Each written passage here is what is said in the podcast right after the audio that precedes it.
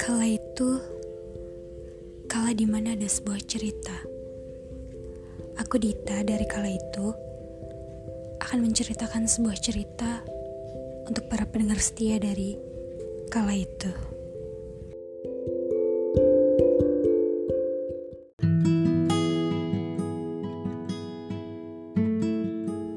Hai semua, selamat malam. Ketemu lagi dengan aku Dita dari kala itu. Dan di malam ini, aku akan membacakan sebuah cerita yang pernah aku tuliskan di tahun 2010. Dan cerita pendek ini berjudul Aku.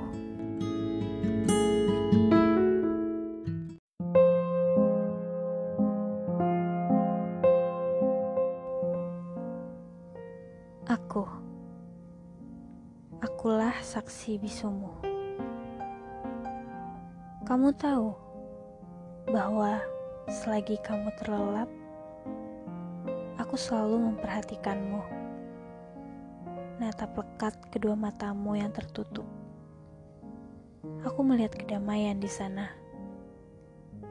Rambutmu yang tergerai panjang, sengaja kamu gerai ke arah atas.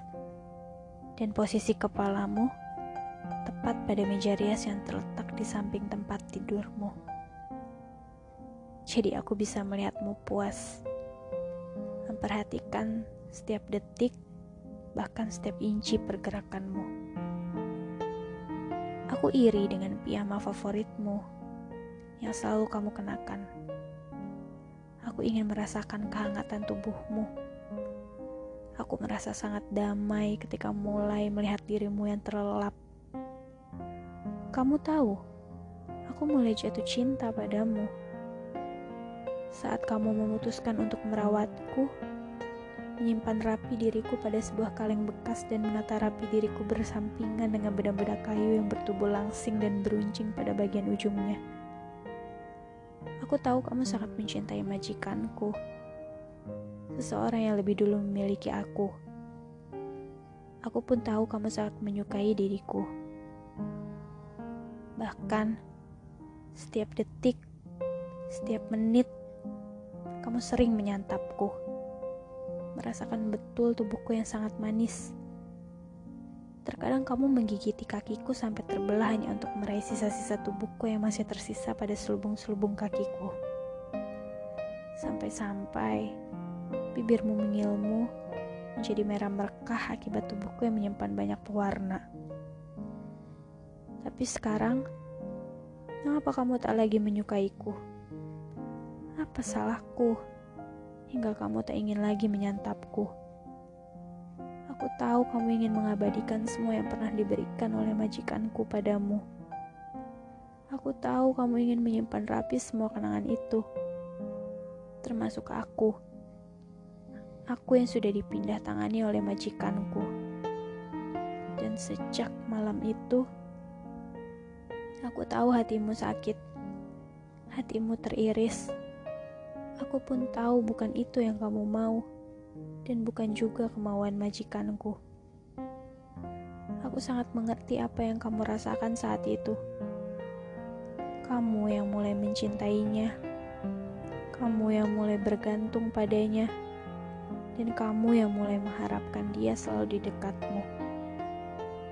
Sama halnya seperti majikanku, dia pun begitu. Kamu harus percaya padaku. Dia juga sangat mencintaimu, bahkan sudah sangat lama dia memendam semua perasaannya padamu. Akulah saksi bisunya. Dan aku tahu ini tidak adil. Namun takdir berkata lain. Kalian memanglah harus berpisah. Aku tahu ini memang terlalu cepat bahkan sangat terlalu cepat.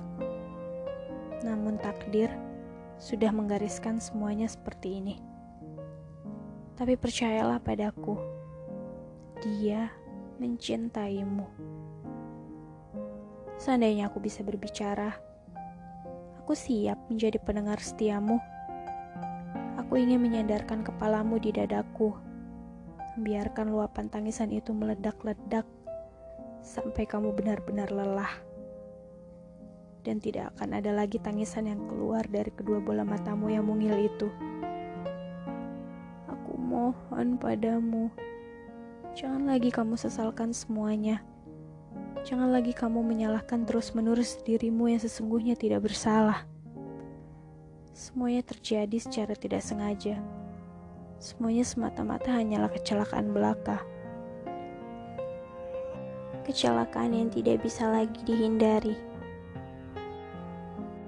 karena garis takdir yang sudah tidak dapat lagi dirubah. Kamu harus mengikhlaskan semuanya. Jangan kamu terus menghukum dirimu sendiri. Membiarkan hidupmu seperti kehilangan arah dan kehilangan jiwa. Tolong, jangan kamu seperti ini terus. Aku yakin di surga sana dia pasti sedih melihatmu seperti ini. Bukan ini yang dia inginkan. Dia ingin kamu tetap melanjutkan hidupmu kembali walaupun dia tidak lagi di sisimu.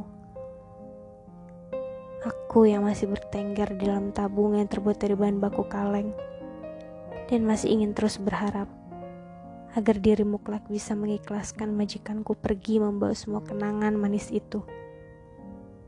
Aku lebih memilih kamu membuangku ke dalam tong sampah besar yang berisikan kotoran-kotoran dan sampah organik dan anorganik yang nantinya akan dibuang pada tempat sampah pembuangan akhir. Buanglah aku dan musnahkanlah diriku karena aku tak ingin kehadiranku malah membuatmu terus menyalahi dirimu sendiri. Aku tahu aku adalah kenangan manismu bersama dengan majikanku. Aku tahu akulah saksi bisu kalian berdua Aku yang selalu kalian bawa ke mana pun, ke mana pun kalian pergi, dan aku yang tidak pernah bosan kalian santap setiap hari. Aku permen lollipopmu, permen kesukaanmu, permen kesukaan kalian berdua. Permen yang menjadi permen terakhir yang tidak akan lagi kamu santap hanya karena alasan kamu tidak ingin membuang membuang semua kenangan itu dan aku permen yang menjadi saksi bisu cinta kalian yang harus terhenti sampai di sini.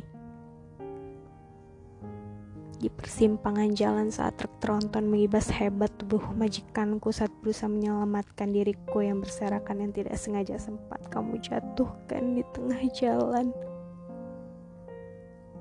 Aku ingin di malam ini akan menjadi malam-malam terakhir kamu menyiksa dirimu membiarkan jiwamu seperti mati, padahal jasadmu masih kokoh berdiri sempurna. Berhenti menyalahkan dirimu. Semua terjadi karena kecelakaan semata. Takdir yang sudah menggariskan semuanya seperti ini. Kalian memanglah harus berpisah. Menyudahi kisah ini sampai di sini. Tapi percayalah padaku, majikanku sangat mencintaimu. Dia ingin kamu tetap melanjutkan hidupmu kembali, walaupun jasadnya yang utuh tidak bisa menemanimu lagi. Namun, dia akan selalu tumbuh di hatimu selamanya.